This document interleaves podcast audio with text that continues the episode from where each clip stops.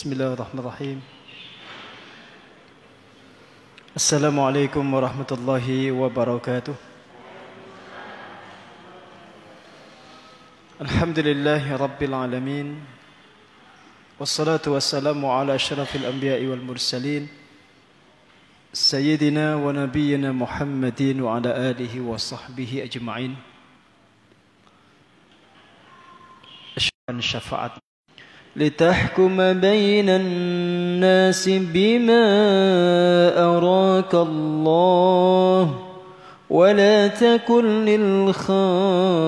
للخائنين خصيما واستغفر الله إن الله كان غفورا رحيما ولا تجادل عن الذين يختانون أنفسهم. إن الله لا يحب من كان خوانا أثيما. يستخفون من الناس ولا يستخفون من الله. وهو معهم إذ يبيتون ما لا يرضى من القول. وكان الله بما يعملون محيطا. ها أنتم هؤلاء جادلتم عنهم في الحياة الدنيا فمن يجادل الله عنهم يوم القيامة أم من يكون عليهم وكيلاً؟ Inna sesungguhnya kami anzalna telah menurunkan. Ilaika kepadamu alkitaba Al-Quran bil haqqi dengan benar. Litahkuma agar engkau memutuskan persoalan bainan nasi di antara manusia.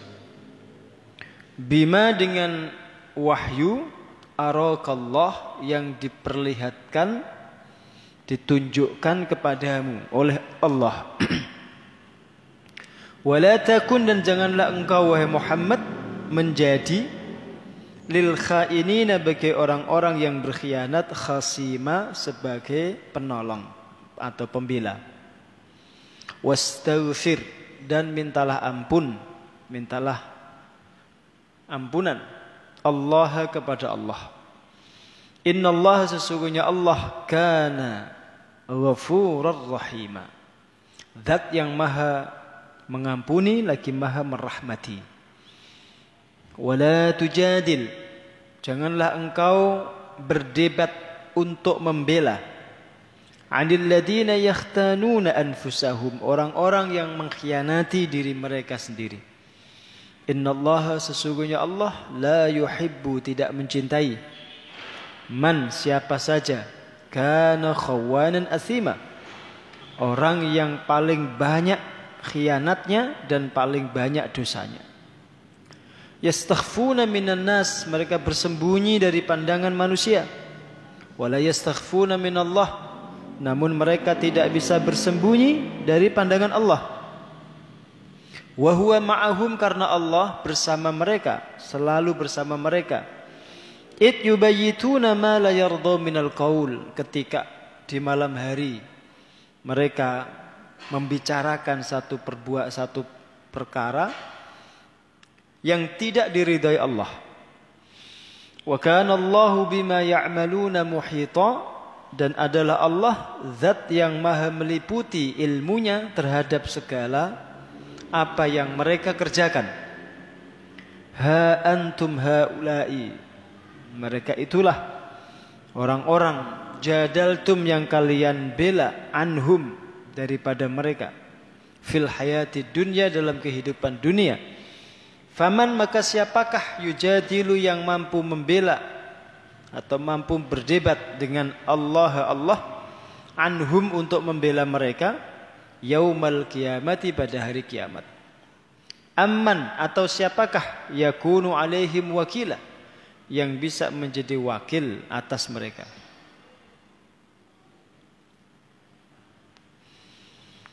kita pelajari ayat demi ayat ayat yang ke-105 dulu. yang pertama yang kita garis bawahi adalah bahwa Al-Qur'an itu diturunkan Allah Subhanahu wa taala bil haqi dengan kebenaran. Artinya tidak ada satu pun niatan Allah untuk menurunkan Quran itu dengan senda gurau atau yang isinya itu mengandung sesuatu yang batil. Tidak. Al-Quran itu diturunkan oleh zat yang maha hak. Ya. Dengan cara yang hak. Untuk tujuan yang hak. Kepada pribadi Muhammad sallallahu alaihi wasallam. Yang di, disebut oleh orang-orang Quraisy pada zamannya itu sebagai orang yang paling jujur. Tujuannya apa? Quran diturunkan kata Allah litahkuma bainan nas. Agar engkau wahai Muhammad memutuskan perkara perselisihan, persengketaan di antara manusia itu bima arakallah dengan wahyu yang ditunjukkan Allah kepadamu. Nah, di sini kita mengetahui bahwa bahwa salah satu fungsi Quran itu adalah sebagai marji ahkam. Sebagai referensi hukum. Ya, sebagai sumber hukum. Maka kalau ada statement gitu ya, ada pernyataan Pancasila adalah sumber dari daripada segala sumber hukum. Nah, ngoten niku pernyataan ngoten niku berlebihan. Bahkan bisa fatal di dalam konteks agama. Ya tidak ada ceritanya kok Pancasila itu sumber daripada segala sumber hukum.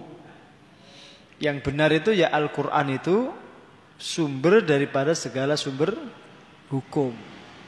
Ya, jadi jangan jangan Jangan justru malah meletakkan Pancasila itu melebihi Al Al-Qur'an. Beberapa waktu yang lalu itu Ketua BPIP itu saya mendengarnya pernyataannya itu. Jadi sudah saatnya kitab suci itu di bawah konstitusi. Gitu. Jadi kan baca atau mendengar itu. Ya tidak ada kitab suci kok di bawah konstitusi itu ya. Harusnya tuh konstitusi itu yang berada di bawah kitab suci. Harusnya idealnya tuh begitu. Ini kita bicarakan ideal.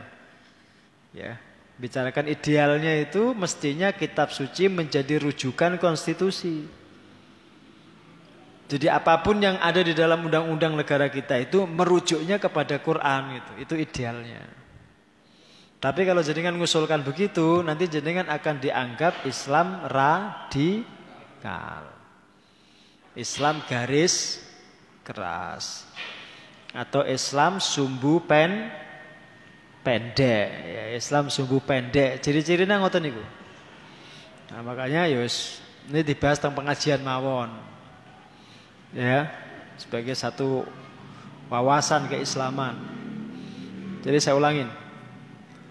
Al-Quran itu diturunkan salah satu fungsinya untuk menjadi marji ahkam. Referensi hukum.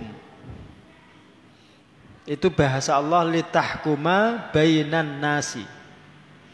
Maka sebisa mungkin apa pun problematika yang kita hadapi itu kita selesaikan dengan petunjuk al Al-Qur'an baik problematika pribadi, keluarga, masyarakat maupun negara.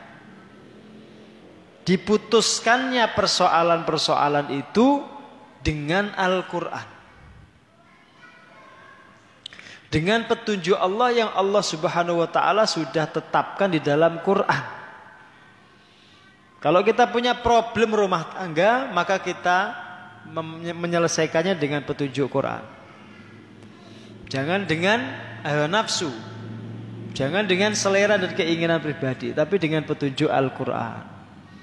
Kalau ada persengketaan di tengah masyarakat tentang satu masalah, maka kembalikan kepada Al-Qur'an.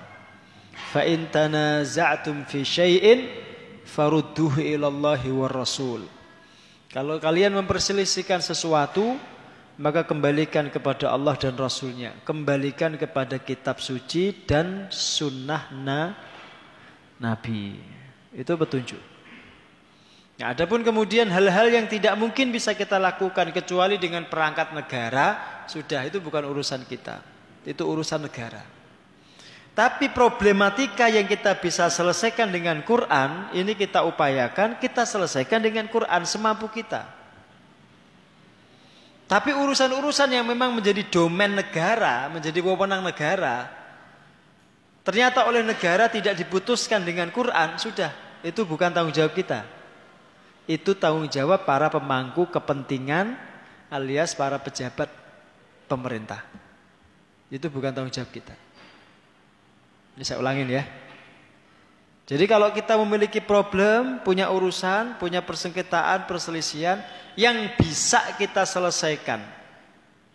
Yang bisa kita selesaikan dengan Al-Qur'an kita selesaikan dengan Quran. Oke. Okay? Adapun yang itu menjadi kewenangan negara, kemudian oleh negara itu diputuskan tanpa petunjuk Quran, nah itu di luar tanggung jawab kita. Insya Allah kita tidak akan ditanya tentang itu. Paham ya? Maka di masa Rasul itu masalah apa saja itu diselesaikan dengan solusi Al-Quran. Dengan keputusan Al-Quran. Maka Quran itu disebut imam. Ya Al-Quran itu kan imam toh. Waj'alli imaman. Jadikan Quran itu imam bagi kami. Kalau imam itu di depan atau di belakang? Diikuti atau didahului? Diikuti. Gak boleh kita mendahului imam. Imam itu di depan, imam itu diikuti, gak boleh kita dului. Orang itu dilancangi. Ya, jadi kalau imamnya belum rukuk, jangan rukuk. Kalau imamnya belum sujud, jangan sujud. Lah sekarang orang itu mendahului Quran. Ya, merasa bisa menyelesaikan problemnya sendiri tanpa Quran. Itu problem orang Islam sekarang. Nah dielengke malah nuduh saya ngelengke radikal kan kacau. Itu problem ini sekarang. Ya, itu problem umat Islam sekarang. Tidak paham. Bahkan tidak cuma didahului, Qurannya dibuang. Qurannya dibuang. Orang tinggu. Enggak dipakai. Padahal Allah katakan litahkuma bainan nas. Makanya jangan garis bawahi. Ya, jadi saya ulang. Quran itu adalah marji ahkam. Referensi hukum Islam. Tapi kan Pak Ustadz, negara kita ini kan bukan negara Islam. Iya, tapi dihuni mayoritas umat is Islam. Kalau kita benar-benar mau pakai hukum demokrasi, maka mestinya umat mayoritas itu punya hak menentukan arah bangsanya, menentukan rujukan hukum dan undang-undang dasarnya. Harus itu logika demokrasi. Justru yang dipakai sekarang ini bukan logika demokrasi, kontra demokrasi. Karena umat mayoritas tapi tidak bisa menentukan hukumnya.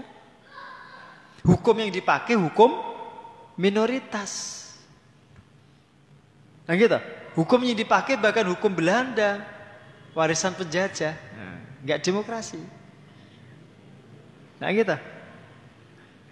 Berarti jari ini demokrasi. Nah demokrasi kan suara mayoritas mestinya dipakai. Ternyata kan enggak. Demokrasi itu dipakai kalau kepentingan mereka terjaga. Tapi kalau kita memperjuangkan kepentingan kita itu demokrasi gak dipakai. Ngatain nih loh. Ya, jadi kan ampun ketipu ngatain niku.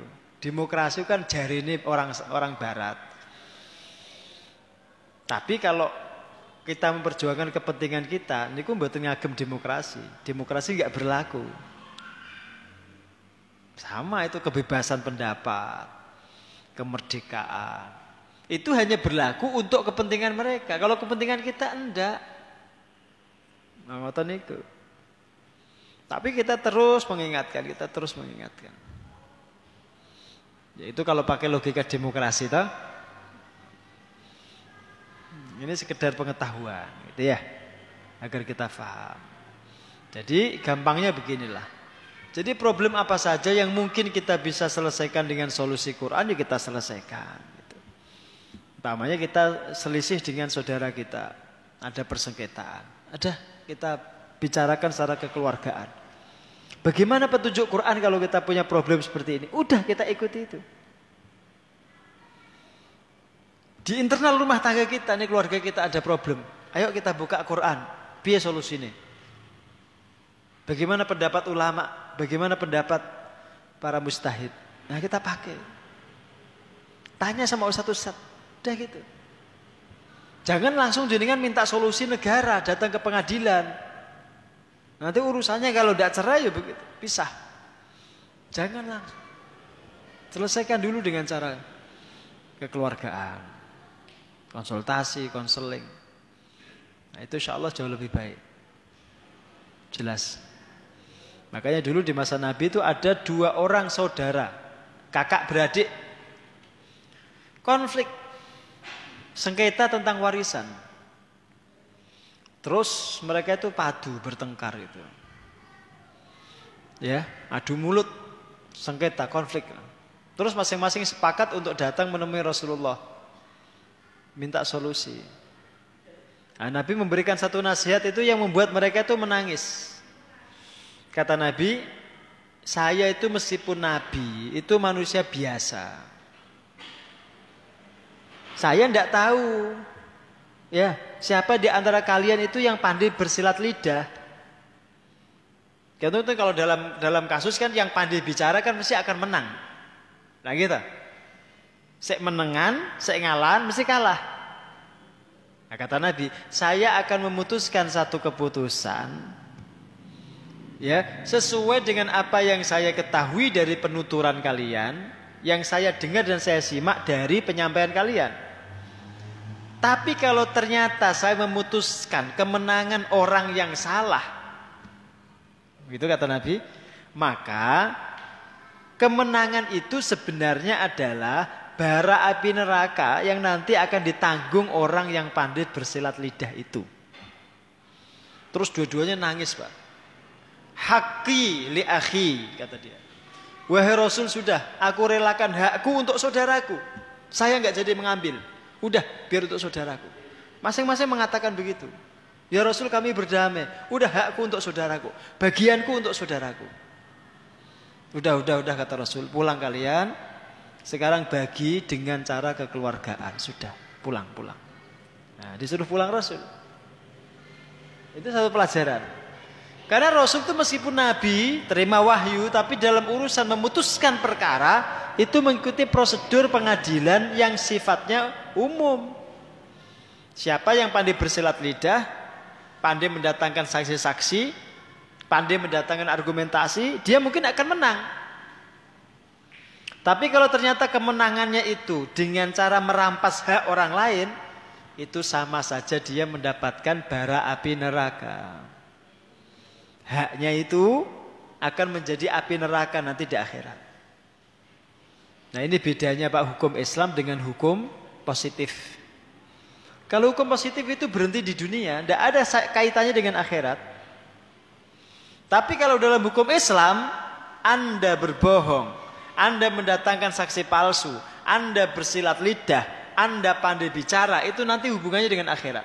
Mungkin Anda bisa menipu hakim, Mungkin Anda bisa mendatangkan saksi-saksi palsu, tapi di akhirat tidak mungkin. Nah sekarang kasus ini loh. Yang kasus FPI ini loh. Kasus FPI ini. Yang pembunuhan eh, enam orang itu ya. Kan kita tidak tahu faktanya sebenarnya. Nah gitu. Masing-masing kan mengatakan kamilah pihak yang benar. Polisi yang ngono, FPI yang ngono. Gitu. Kita nggak tahu. Karena kita tidak ada di lokasi. Kita nggak tahu yang sebenarnya. Siapa di antara kedua pihak ini yang benar? Di dunia boleh Anda bantah-bantahan. Di dunia masing-masing bisa mengatakan kami pihak yang benar. Masing-masing berusaha mendatangkan bukti. Di akhirat tidak ada. Kebenaran itu di tangan Allah. Dibuka semua nanti oleh Allah. Mulutmu terkunci, kamu tidak bisa bicara, kamu bisu. Dikunci semua oleh Allah. Yang bicara ganti tangan, kaki dan seterusnya. Tidak bisa kita berbohong di akhirat. Nah ini bedanya Pak. Orang Islam itu karena percaya akhirat, maka dia tidak akan curang. Maka nanti dikatakan dia tidak akan berkhianat. Maka Rasul diingatkan wala takun lil khainina khosima. Janganlah engkau wahai Muhammad menjadi pembela orang yang berkhianat. Kata beliau di sini fihi dalilun ala annahu la yajuzu li ahadin an yukhasima an ahadin illa ba'da an ya'lam annahu muhikkun. Kalimat ini adalah dalil bahwa tidak boleh seseorang membela orang lain kecuali kalau dia yakin orang yang dibela itu berada di pihak yang benar. Pastikan dulu dia benar, baru boleh Anda bela. Pastikan dulu. Jangan sampai kita menjadi khasim pembela orang yang berkhianat, yang salah. Maka jangan hati-hati. Pokoknya kalau kasus itu semperawut gitu, nggak jelas ujung pangkalnya, ya, benangnya kusut, seperti mencari jarum di dalam sekam, nggak bisa diketahui, sulit diuraikan, maka jangan tergesa-gesa membela salah satu pihak. Jangan sampai. Jangan tergesa-gesa membela salah satu pihak. Karena bisa jadi yang jenengan bela itu orang yang berkhianat. Yang salah. Kalau sampai jenengan justru membela orang yang salah. Itu urusannya panjang sampai di akhirat. Maka sebelum membela itu langkah pertama itu pastikan yang Anda bela itu benar. Ini kan repotnya yang profesinya pengacara tuh. Lagi tuh, Pak. Nak orang untuk kasus, orang untuk duit.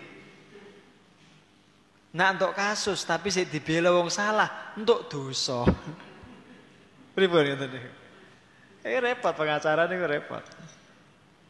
Ya kan? Nak ono kasus pengacara itu seneng. Ono wong gelut, padu, sengketa itu pengacara aku seneng Pak aslinya. Dan ya, tapi sewu yang pengacara jangan tersinggung, ini guyon guyon toh. Ojo di kasus kayak gitu. Niku kan sami kali dokter. Dokter jenengan tangkleti, Pak dokter. Jenengan nu asli nih seneng nak wong sehat napa sakit. Ya, dokter jenengan tangkleti. Dokter-dokter nih loh, aslinya seneng ndak? Orang itu sehat atau sakit? Nak wong sehat kabeh, dokter untuk duit. Ya Pak? Tapi nak wong sakit kabeh, jadi untuk duit tapi ganjil. Kok menari-nari di atas penderitaan orang lain. Makanya dokter itu juga perlu punya amal-amal sosial. Jadi jangan hanya melulu materi. Ya, Kadang juga perlu tarif itu jangan diseragamkan. Pokoknya periksa. Saya ketewu kabeh. Satu sewu kabeh. Bedakan ini orang kaya atau orang miskin bedakan. Bedakan. Sama, guru ustadz itu juga sama. Kira-kira kalau saya tanya tuh, kalau semua orang sudah pinter agama, ustadz dua gawean lah. Ada pekerjaan gak buat Ustadz? Gak ada. Sama seperti itu Pak. Maka nono bodoh ya hikmahnya. Ben Ustadznya di gayan.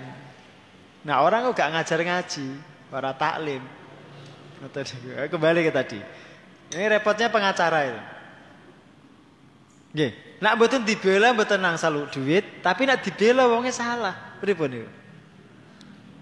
Repot kan? Belo koruptor. Korupsi. Udah tertangkap tangan itu kan harus berat toh. Dibelo, ah, ngoten niku. Enggak tahu itu nanti di akhiratnya itu bagaimana. Makanya ada teman saya pengacara itu sejak mulai ngaji itu pilih-pilih kasus. Jadi nggak semua kasus dia bela. Ya setelah ngaji pak, biar yo boten, biar milih-milih kasusnya duitnya gede apa cilik. Nah duitnya oke, meskipun salah ya dibela. Sekarang enggak, dipilah-pilah. Ini kasusnya bener apa salah. Wah dia kalau yang dibela itu dia yakin bener, mati-matian dia. Al-at. Nah ngoten niku. Ya, sekarang jadinya di tengah masyarakat juga gitu. Kalau ada orang berselisih, ada orang bersengketa, ada orang berseteru, jangan terburu-buru membela salah satu pihak. Pelajari dulu, timbang-timbang dulu, ketahui dulu siapa pihak yang benar. Itu kata beliau. Ini dalil. Tidak boleh seseorang bela orang lain kecuali kalau yakin yang dibela itu benar. Ya kalau jadi kan masih ragu, nggak usah komentar, nggak usah membela, sudah. Makanya kadang-kadang orang alim itu tampak seperti orang bingung. Terlihat seperti orang yang bingung, tidak punya sikap. Orang alim.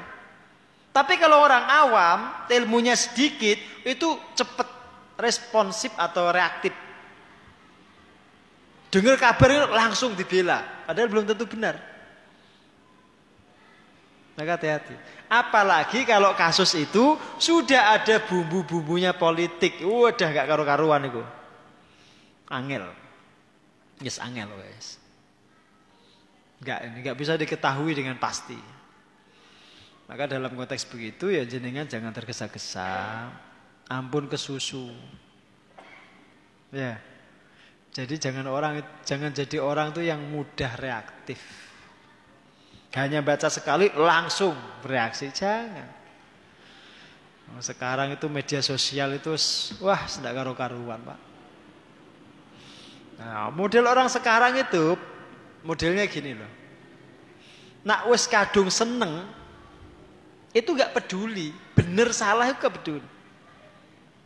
Tapi nak wes kadung benci, ya meskipun bener itu salah no. Yang ngotot itu jadi pelajaran. Tidak ada satupun orang itu yang punya kebenaran absolut mutlak sempurna itu tidak ada. Yo mesti ada celah salah itu mesti. Maka perlu kehati-hatian. Itu kata Allah, wala takun lil khainina khasima. Jelas ya? Jangan dengan sengaja kamu menjadi pembela orang yang berkhianat. Terus ada kasus lagi. Ini memang berangkat dari kasus. Kalau jadikan baca riwayatnya nanti ada sababun nuzul. Termasuk di ayat terakhirnya itu. Ada orang yang dituduh mencuri ya. Jadi ceritanya itu ada tiga orang. Namanya Basir, terus Bishir, terus Mubasir. Jangan itu Basir, Bishir, Mubasir. Di antara tiga orang ini yang munafik itu si Basir ini. Selain munafik itu seneng ngejek sahabat seneng ngejek dengan syair. Syair ejekan itu kalau dalam bahasa sastra itu hijak. Hijak itu syair, syair tapi saya ejekan. Itu hobi dia. Membuat syair puisi untuk mengejek sahabat. Nah ceritanya kemudian ada salah seorang warga Medina, orang Ansor itu yang kehilangan baju perang. eh saya nyolong si Basir ini. Tapi pinter, lek nyolong di salah satu rumah orang Ansor tapi diletakkan di rumah orang yang nggak mencuri. Tujuannya agar yang dituduh yang punya rumah itu.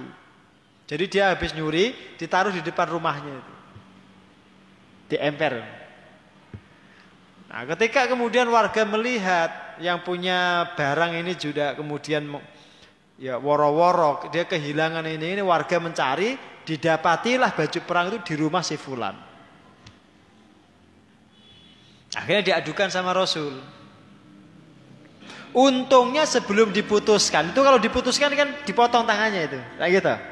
Untungnya sebelum diputuskan itu keluarga yang mencuri ini itu mendatangi Rasulullah. Ya keluarganya Basir itu datangi Rasul. Kata mereka, ya Rasulullah meskipun kami ini orang miskin, kami itu tidak punya watak mencuri. Yang mencuri itu Basir. Ini kami jujur aja, yang nyuri itu Basir. Nah untuk mengelabui atau membuat alibi Dia letakkan baju perang itu di depan rumah si fulan itu kan ampun hukum tiang niku Niku buatan salah Saya salah niku basir Saya salah ki basir Untungnya Rasul itu belum memutuskan persoalan itu Dengan potong tangan Untungnya Maka kemudian Allah mengingatkan Wala takulil khainina khasima Jangan sampai kamu tuh bela orang yang berkhianat. Ya, berarti kan harus hati-hati betul kan? Jangan terlalu cepat memutuskan itu. Dikumpulkan dulu keterangannya, informasinya, saksi-saksinya, bukti-buktinya. Maka hakim itu dilarang tergesa-gesa. Maka jangan kaget kalau di pengadilan itu berkali-kali ditunda, ditunda itu kan. Itu bukan untuk mengulur-ulur waktu. Bukan, memang hakimnya itu masih ada keraguan. Kalau masih ragu dia tidak boleh memutuskan. Wong marah saja itu tidak boleh kok. Kalau dia sedang marah ditunda sidangnya, nggak boleh diputuskan. Lapar itu nggak lapar, nggak boleh. Hakim memutuskan dalam kondisi lapar itu tidak boleh. Dia harus tunda dulu, dia makan dulu. Nggak boleh memutuskan perkara dalam kondisi lapar. Harus betul-betul tenang, dalam posisi dia konsentrasi penuh, nggak sedang emosi, tidak sedang nahan lapar. Ngerti niku, agar keputusannya jernih. Ini pelajaran. Maka jenengan juga gitulah, pelan-pelan. Jadi kalau ada kasus apalagi yang semrawut itu jenengan pelan-pelan. Ampun tergesa-gesa, ampun kesusu. Ya seperti inilah. Kasus yang pembunuhan inilah. Kasus pembunuhan ini. Kalau tampak sekilas itu ya memang gampang kita terka. Oh ini salahnya si, si pihak ini, salahnya pihak ini. Udah, sebaiknya kita itu tidak usah komentar. Siapa saya salah, gak kita nggak tahu. Anda pun nanti di sidang ini terus ter, di sidang disebutkan belum tentu kondisi yang sebenarnya begitu. Belum tentu. Ya, nggak tahu. Wong saksi-saksi itu mudah didatangkan kok. Gitu. Saksi palsu itu kan gampang sekali tuh. Bayari tiang itu kan sakit tuh. Mudah. Makanya dalam konteks seperti itu, apalagi sudah ada bumbu-bumbu politiknya, itu sebaiknya kita hati-hati. Ya, segala persoalan itu kalau sudah dipolitisir, dipolitisasi itu sudah sulit untuk jernih. Nah gitu. Sulit untuk jernih. Maka kita nggak boleh tergesa-gesa menjadi pembela atau membela salah satu pihak kecuali kita pastikan pihak itu benar. Jelas ya?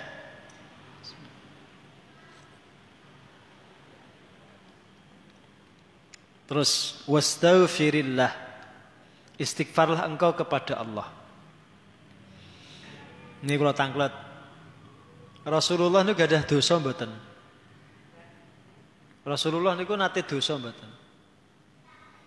Eh? Rasulullah niku lho nate dosa napa mboten? Hmm? Nate berbuat maksiat mboten? Kok dikon istighfar? Hah? Kok dikon istighfar? Wastagfirillah. Napa niku? Maksudnya apa? Dan mintalah ampunan engkau kepada Allah.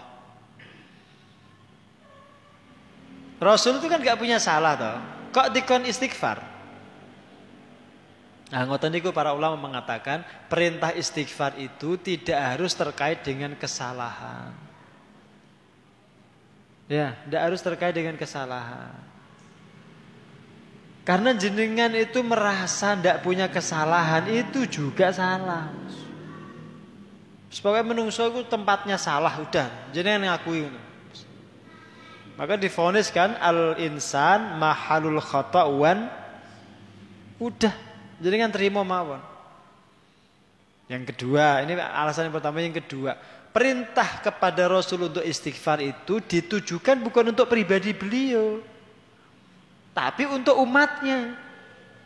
Karena Rasul itu tidak pernah salah, tidak pernah punya dosa, tidak pernah maksiat. Berarti sebenarnya yang disuruh istighfar itu kita. Maka disebutkan dalam tafsir ini, perintahkan umatmu untuk istighfar gitu.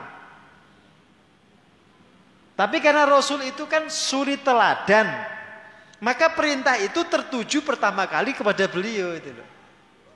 Itu bukan berarti Rasul punya dosa. Jangan salah paham. Yang namanya teladan itu kan harus mencontohkan dulu toh. Maka dalam sehari itu Rasul istighfar minimal 70 kali. Rata-rata 100 kali dalam sehari. Itu bukan berarti Rasul mengistighfari dosanya. Enggak ada dosa kok. Itu ngajarin jenengan sedang mendidik jenengan. Karena jenengan saya kata dosa nih. Rasul nggak punya dosa, maksum, orang suci, orang paling bersih, orang paling bertakwa. Andai pun beliau melakukan kesalahan sebelum bersalah itu sudah diampuni Allah. Maka Allah mengatakan, "Afallahu anka." Allah ampuni dirimu hai Muhammad. Lima azin talahum. Kenapa kamu izinkan mereka tidak berperang? Jadi diampuni dulu baru ditanya. Itu Rasul. Artinya jaminan ampunannya itu pasti. Baru ditanya. Kenapa kamu izinkan mereka tidak ikut perang? Kok boleh kamu izinkan mereka tidak perang? Ditanya. Semacam agak disalahkan oleh Allah. Memberikan izin sebagian orang tidak berperang itu dianggap Allah salah. Tapi sudah diampuni sebelum ditanya itu. Nah gitu. Nah kalau jenengan kan enggak ditangkloti ruyen ditanya macam-macam begitu terus jenengan ngaku salah? Itu aja belum tentu diampuni. Jenengan minta ampun belum juga diampuni itu belum tentu. Jenengan minta ampun lagi melakukan amal soleh memperbaiki diri baru diampuni. Ini kok bedanya jenengan kalian nabi. Bedanya jenengan kalian nabi itu. Maka perintah istighfar di sini itu sebenarnya perintah untuk jenengan, bukan perintah untuk na nabi. Jelas betul? Paham ya? Dek paham dek? Nah, jadi kita yang disuruh banyak istighfar. Bukan Rasulullah. Maka jangan salah paham. Ya, jangan salah paham. Karena Rasul itu tidak pernah punya dosa, tidak pernah punya kesalahan. Kalaupun dianggap salah itu sudah diampuni dulu. Jadi ampunan Allah itu lebih cepat kepada Rasul daripada vonis kesalahannya.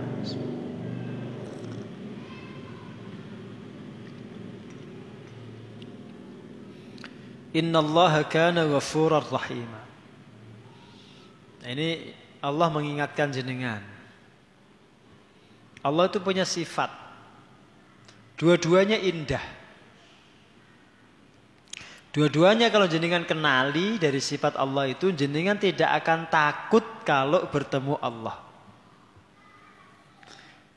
Yang jadi soal jenengan itu takut bertemu Allah itu karena tidak mengenali sifat-sifatnya yang indah ini, yang mulia ini.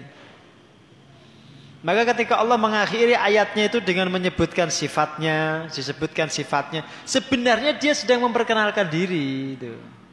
Cuma di ujung ayat itu sering kali malah dilewati, nggak dikaji. Ya, dilewati justru malah nggak dikaji. Padahal di situ letak intinya Quran itu di situ. Ini lihat jenengan. Innallaha kana ghafurar rahima. Ada dua sifat yang disebutkan Allah di situ. Dan dua-duanya itu sifat yang indah. Yang membuat hati itu tentram. Yang pertama sifat ghafur. Ghafur itu terlalu banyak dan terlalu luas ampunannya. Bukan sekedar ghafir. Kalau ghafir itu pengampun. Dia memberikan ampunan, tapi ampunannya terbatas. Tapi kalau gofar atau gofur itu sigot mubalaghah. Maknanya ampunannya itu terlalu banyak, pintunya terlalu luas.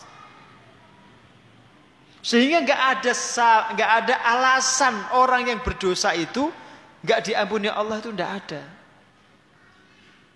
Maka sekalipun kita berli, ber, berlumurkan dosa, kita banyak kesalahan, jangan nggak usah terlalu nggak nggak nggak perlu putus asa. Jangan takut. Jangan takut untuk minta ampunan pada Allah. Jangan melihat dosa jenengan itu, tapi lihatlah sifat Allah yang gofur itu. Meskipun jenengan banyak dosa. Jangan takut. Nah ini sifat yang pertama. Sifat yang kedua itu rahim. Kalau Allah mengampuni dosa seorang hamba itu dipastikan hamba itu tidak akan masuk neraka. Dipastikan. Allah ampuni dosa kita, pasti jenengan tidak akan masuk neraka. Itu sifat gofur. Tapi belum selesai kan? Orang tidak masuk neraka, Kan belum selesai urusannya. Pertanyaannya, apakah mungkin dia masuk surga? Belum tentu. Belum tentu. Maka kemudian Allah mengatakan rahiman. Nah, ketika Allah mengenalkan sifatnya rahim, itu ada jaminan. Jenengan ketika diampuni Allah, dijamin jenengan masuk surga. Itu rahmatnya Allah. Dan ya, jenengan kenal kenal Allah itu jenengan tenang. Santai. Karena Tuhan kita itu Tuhan yang baik. Yang maha ghafur, yang maha rahim. Sifat rahim itu berlakunya nanti di akhirat. Kalau jenengan bahas rahim kok di dunia itu salah jenengan. Sifatnya Allah, rahmatnya Allah yang berlaku di dunia itu rahman, bukan rahim.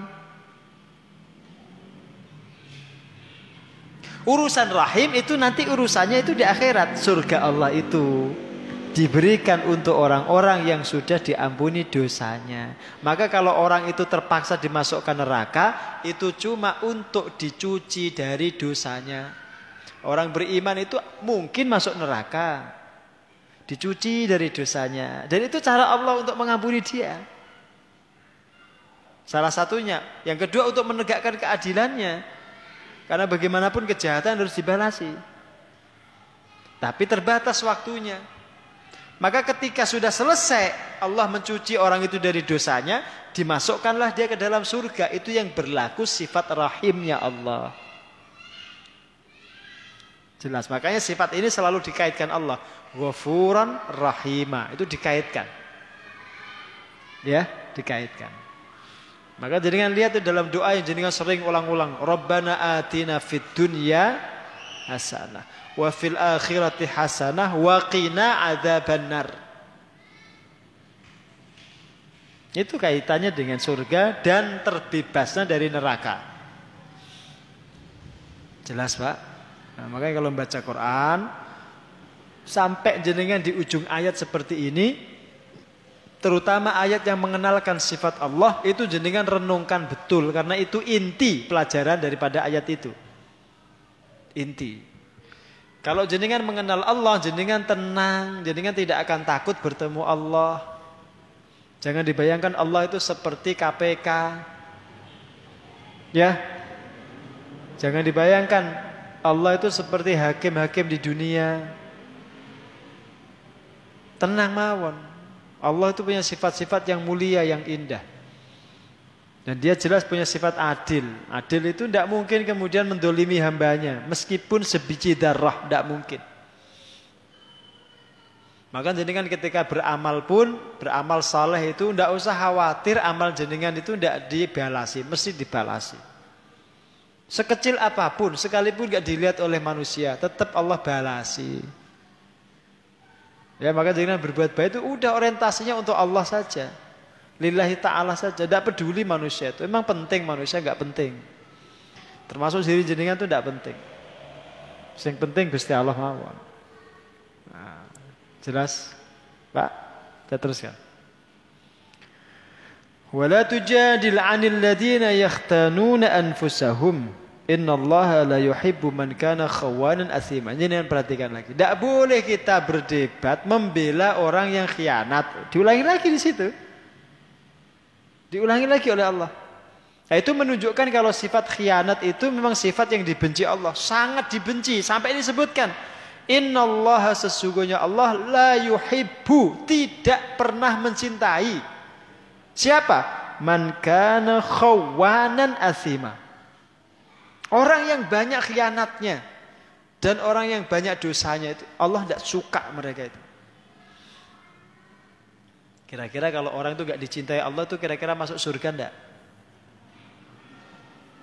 Makanya jenengan membela orang yang terlalu sering berkhianat, terlalu sering berdusta, terlalu sering bohong, mengingkari janji, tidak boleh.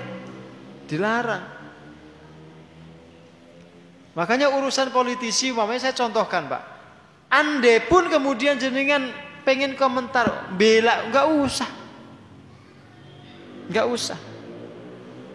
Apalagi politisi-politisi yang terbiasa bohong, berdusta, berkhianat. Nggak usah dibela, ben. Nggak perlu dibela. Jenengan, mendingan jenengan bela istri jenengan mau. Ya, bela anak istri jenengan dengan cari nafkah wis ora usah komentari ya seperti itu. Sehingga jenengan nggak jadi cebong, nggak jadi kampret. Tak gitu. Terus wonten, cebong kampret saya wonten. Terus abadi. Ya. Tak di ternak ngoten niku nggih. Betul nusan derek-derek ngoten niku. Ndak usah ikut-ikutan. Itu bahaya untuk akhirat jadi. Jadi jangan mau udah adu domba. Nah orang bela pemerintah itu mesti kampret. Terus kan terpaksa bela pemerintah ngoten niku. Terus jadi cebong. Ngoten niku, mboten usah ngoten niku. Nak bener jenengan bela, nak salah mboten usah ngoten mawon. Jadi tidak peduli apakah pemerintah atau orang biasa. Nak bener dibela, nak salah mboten usah dibela. Ampun. Tidak membela itu bukan berarti memusuhi. Tidak. Kita nggak membela pemerintah itu bukan berarti kita benci atau memusuhi. Tidak. Ya. Tidak ada kepentingan kita membela. Ya. Nggak ada kepentingan. Termasuk ketika mereka berbuat salah. Tidak ada kepentingan kita bela. Tapi kalau buser atau politisi, ya memang tugasnya begitu kok. Paham ya? Nah ini termasuk ini urusan jaga gereja itu. Urusan jaga gereja. Ini saya jelaskan jadi. Urusan jaga gereja itu, ini aku buatan urusan jenengan, bukan urusan orang sipil. Itu urusannya polisi. Betul usah.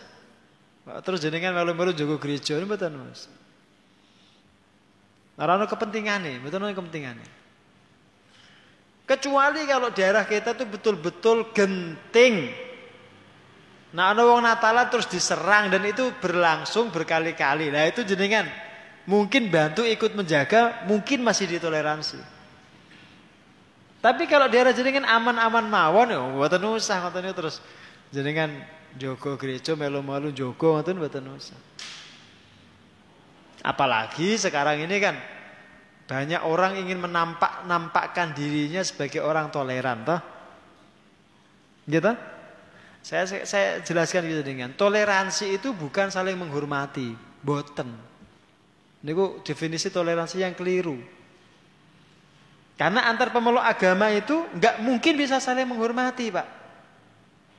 Saya mengatakan Allah itu esa. Orang Kristen mengatakan Tuhan itu tiga. Orang Hindu Buddha mengatakan Tuhan itu banyak. Itu sudah bentrok kok secara pemikiran kok. Tak gitu. Terus makna toleransi niku napa? Makna toleransi niku tidak saling mengganggu wis karepmu lah. Itu toleransi. Maka lakum dinukum waliyadin. Yang penting jenengan nggak ganggu orang yang ibadah sesuai keyakinannya. Itu sudah toleransi. Jangan salah paham jadi mendefinisikan toleransi. Kalau jenengan mendefinisikan toleransi itu dengan saling menghormati, maka ada semacam kewajiban jenengan mengucapkan Natal untuk menghormati pemeluk Kristiani. Tidak, itu bukan toleransi. Itu kebablasan. Yang penting jenengan nggak ganggu mereka saat Natalan. Niku pun toleransi. Bus jos niku. Dan kita sudah melakukan itu berabad-abad. Ya kita bertahun-tahun, ratusan tahun sudah. Maka semua itu berangkat dari definisi. Jadi kan hati-hati, mendefinisikan sesuatu itu hati-hati. Termasuk mendefinisikan toleransi. Ya ngoten niku.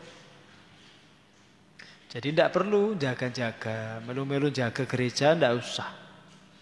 Itu tugas polisi. Nah, polisi digaji untuk itu, biar mereka yang melakukan penjagaan itu. Jenengan yang jadi satgas, yang tadi gue mboten usah, terus melu-melu jaga gereja, mboten usah. Ini kan, ini kan musim itu, ini malam apa nih? Malam selawe itu. Oke, sesok kan Natalan tuh. Ayo kalau tanya lah. Sesuk Jumatan, Pak, betul Natalan. Jenengan wong Islam aja dieling-eling Natalan nu pripun? Pripun jenengan? Wong Islam dieling Jumatan. Kok saya dieling-eling Natalan? Besok tanggal pinten? Selawe. Selawe napa? Desember. Wonten napa? Jumatan ngoten jawab. Ya ampun Natalan jenengan ya Allah. Eh, yes. Wong Islam kok dieling-eling Natalan ya aja. Wong Islam dieling-eling Jumatan apa pengajian. Paham, Pak? Wes, yang penting mereka tidak kita ganggu itu sudah toleransi. Dan kita nggak perlu kemudian juga takut dianggap orang kok nggak toleransi karena nggak mengucapkan Natal. Oh, nggak usah khawatir ngoten niku, mboten usah dipikir. Mboten usah. Wong omongane menungso mboten penting.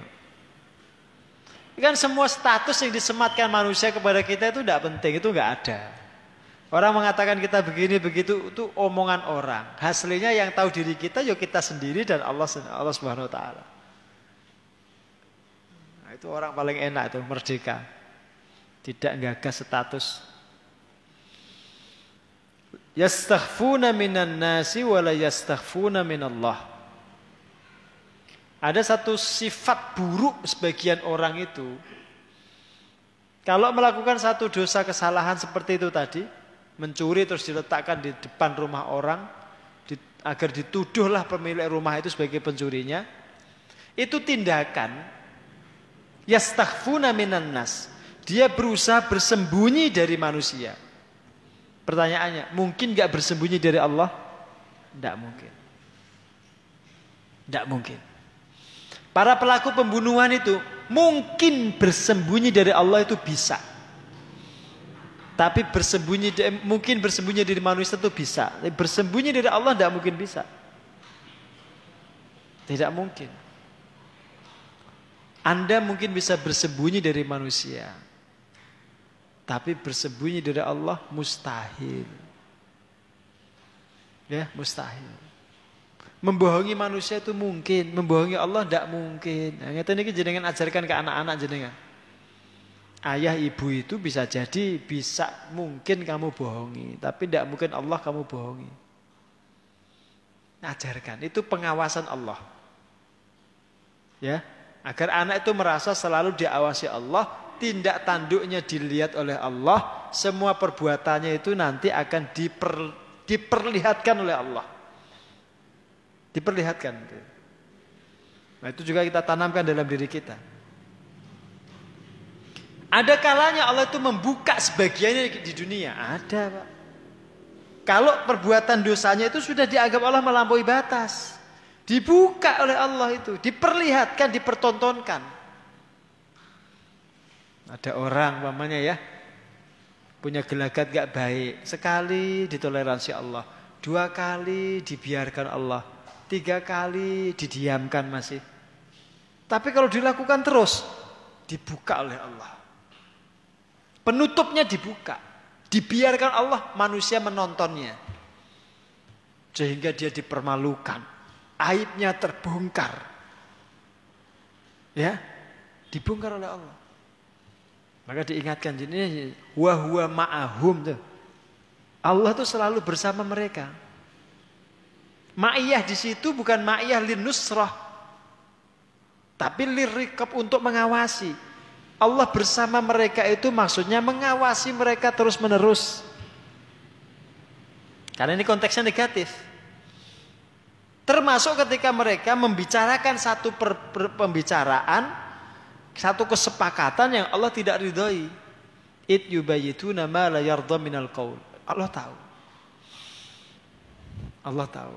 Maka tidak mungkin kita bisa menyembunyikan rencana-rencana jahat itu dari Allah taala, tidak mungkin. Ya. Kalau orang beriman itu justru malah sebaliknya. Dalam pandangan manusia itu dia biasa. Tapi sebenarnya dalam pandangan Allah itu dia luar biasa. Maka Abu Bakar itu kalau berdoa kan, Ya Allah, jadikanlah aku lebih baik daripada yang mereka sangka. Itu doanya Abu Bakar. Ya Allah, jadikanlah aku lebih baik daripada sangkaan mereka. Bapaknya jenengan menyangka saya itu baik karena ustadz, penceramah, mubalik. Gitu? Itu sangkaan seperti itu. Itu takut saya itu. Maka Abu Bakar mengajarkan saya berdoa, ya Allah jadikan aku lebih baik daripada yang teman-teman itu sangka. Jangan bangga disangka orang baik itu. Dia husnudoni baik itu baik, cuma jangan bangga. Jadi kan harus berusaha menjadi lebih baik. Ya jangan seperti orang munafik, dipandangnya baik padahal buruk. Dikiranya Islam padahal kafir. Jangan. Berusaha. Yang jenengan sembunyikan itu lebih baik daripada yang jenengan tampakkan.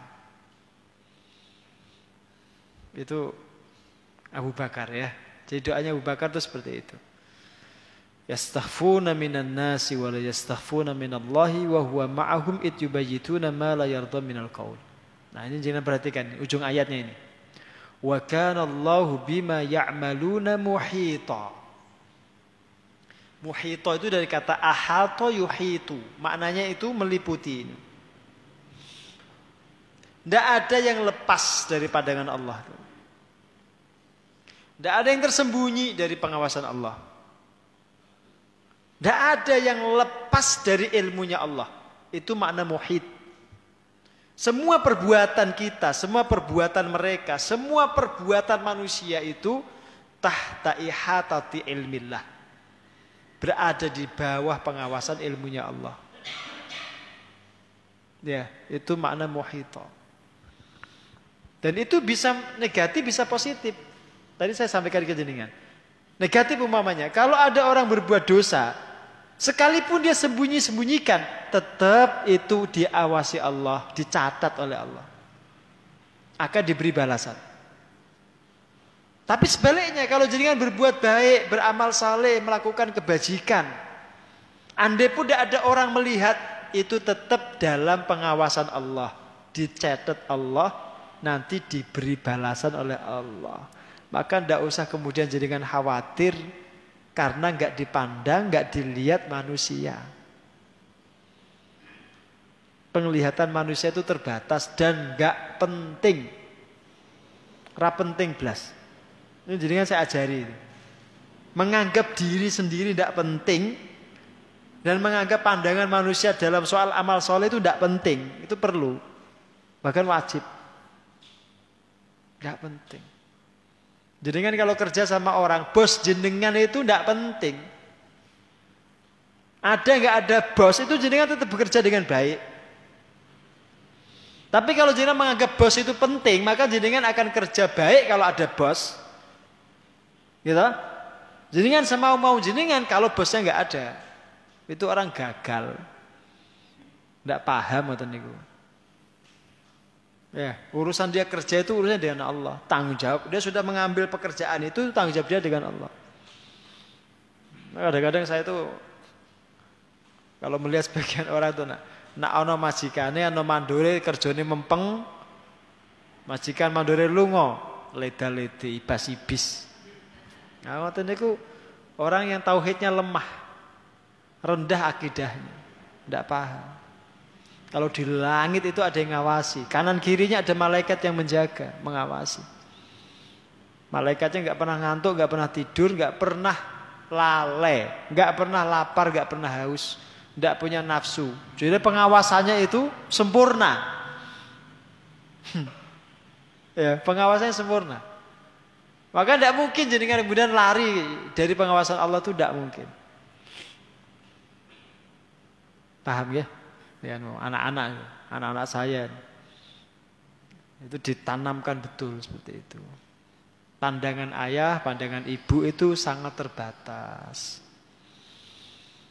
Tapi pandangan Allah itu tidak terbatas. Tembus semua dimensi. Dan lintas dimensi.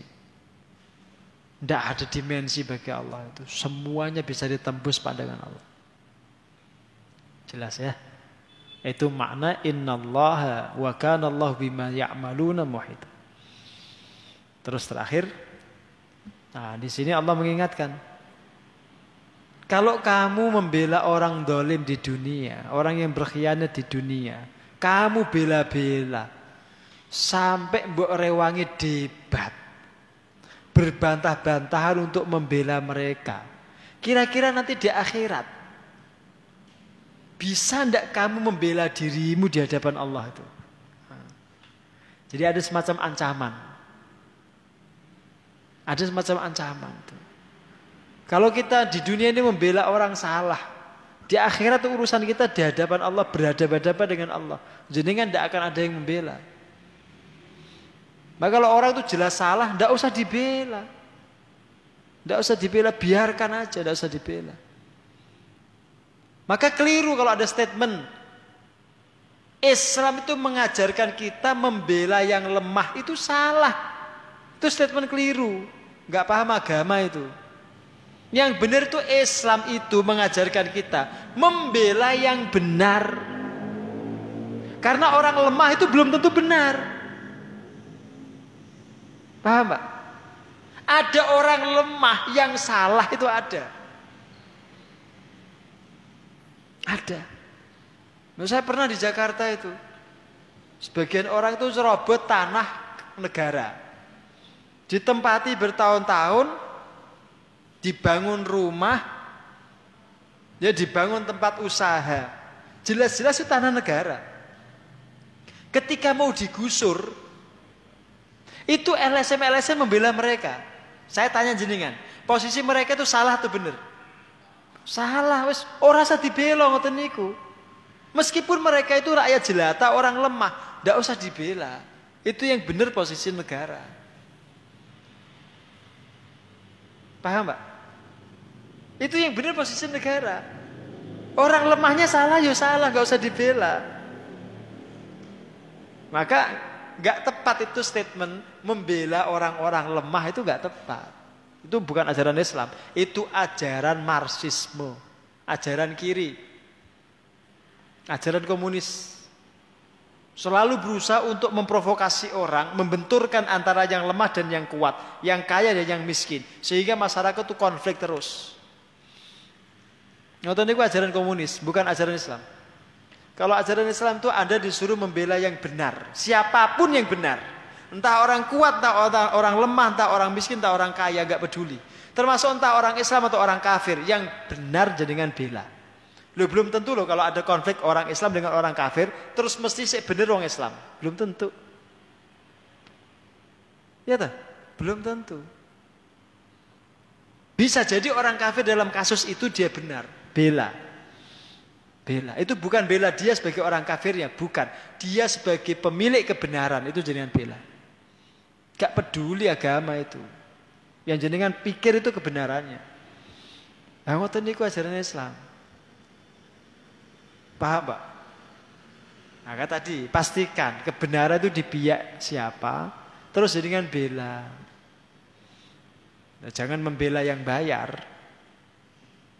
Maju tak gentar, membela yang bayar. Ampun.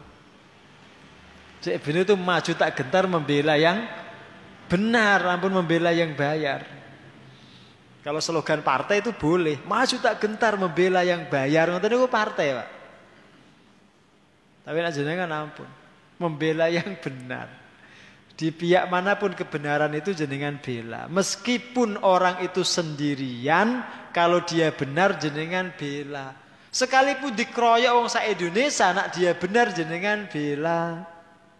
Belum tentu yang banyak, yang mayoritas itu terus bener, boten. Ngoten niku boten tentu.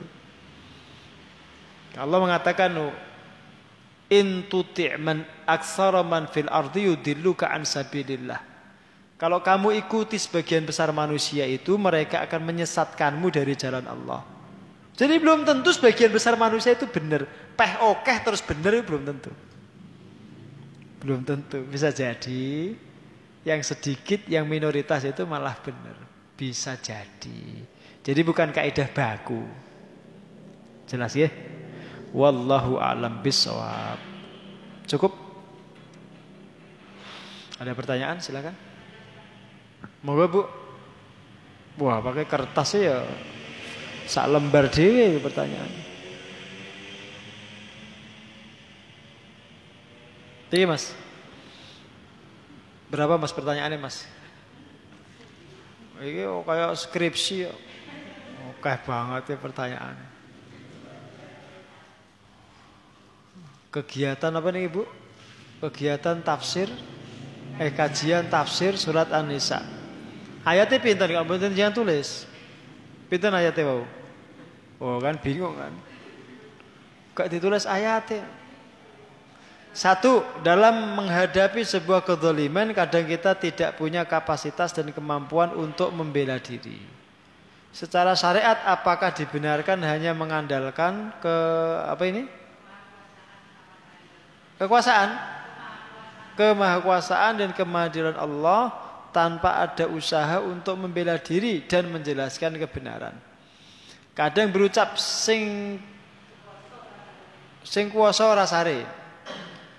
Yang sering terjadi masalah rumah tangga dan hukum waris.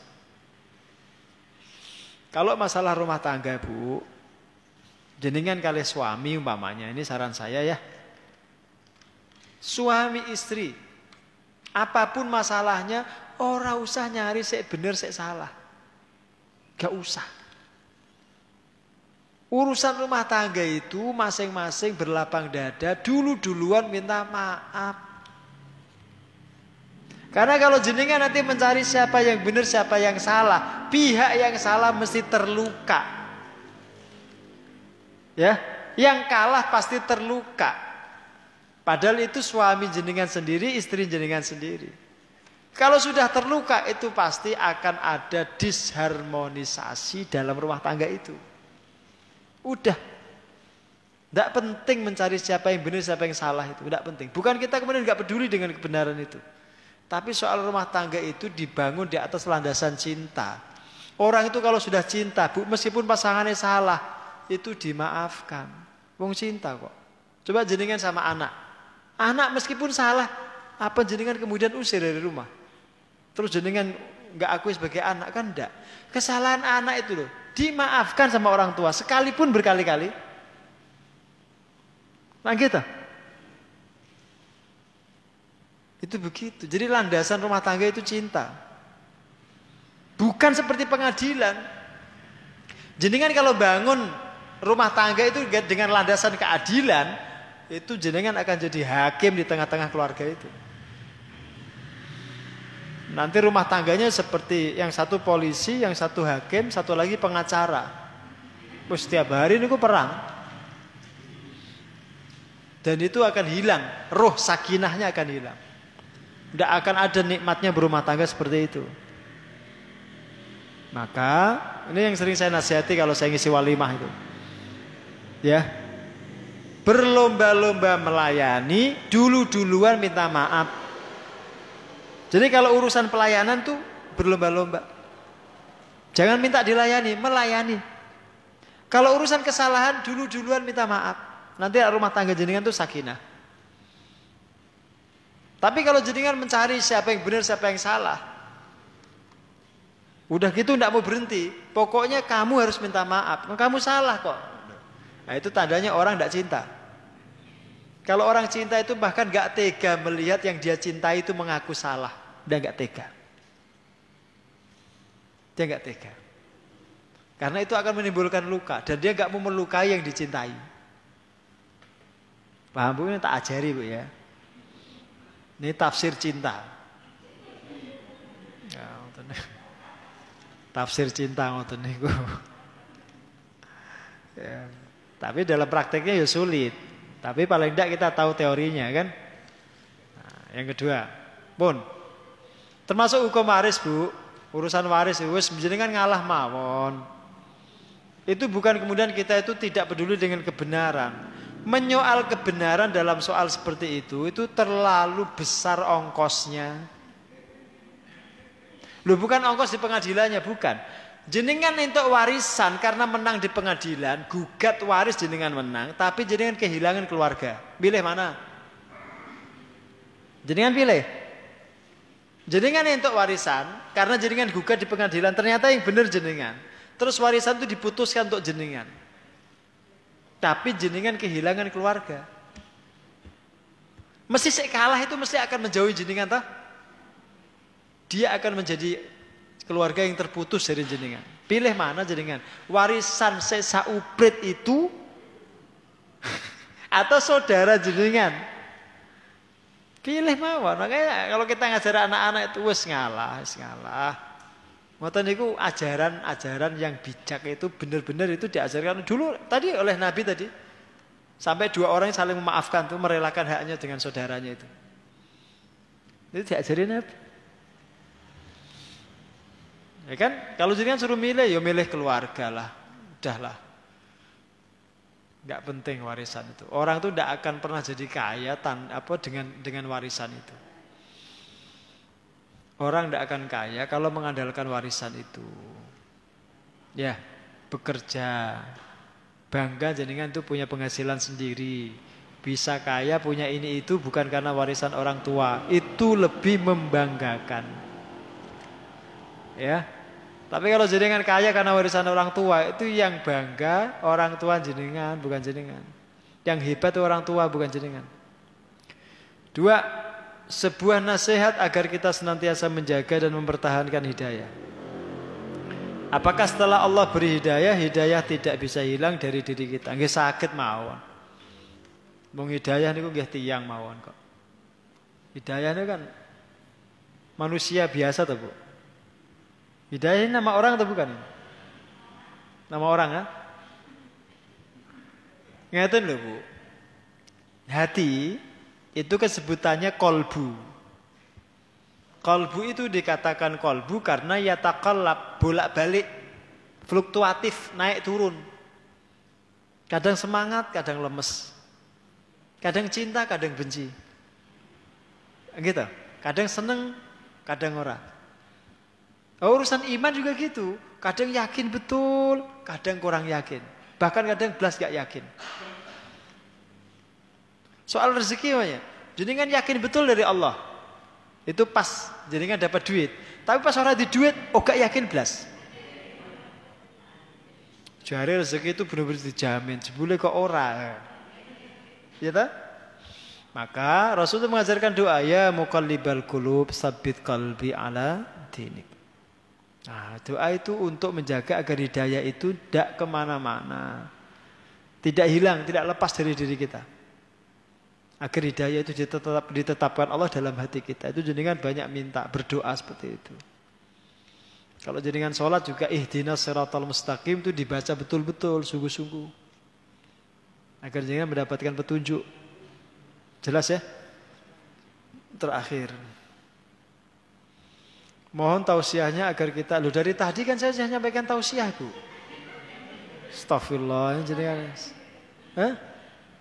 Loh dari tadi itu dari jam setengah delapan sampai jam sembilan ya Iku isinya tausiah tok kan masih minta tausiah ini ya Jangan genah ya jenengan ya Ayo dikira aku mau cerita ya Tausiah tadi itu sepanjang itu tausiah Mohon tausiahnya agar kita tetap optimis. Jangan kita jenengan.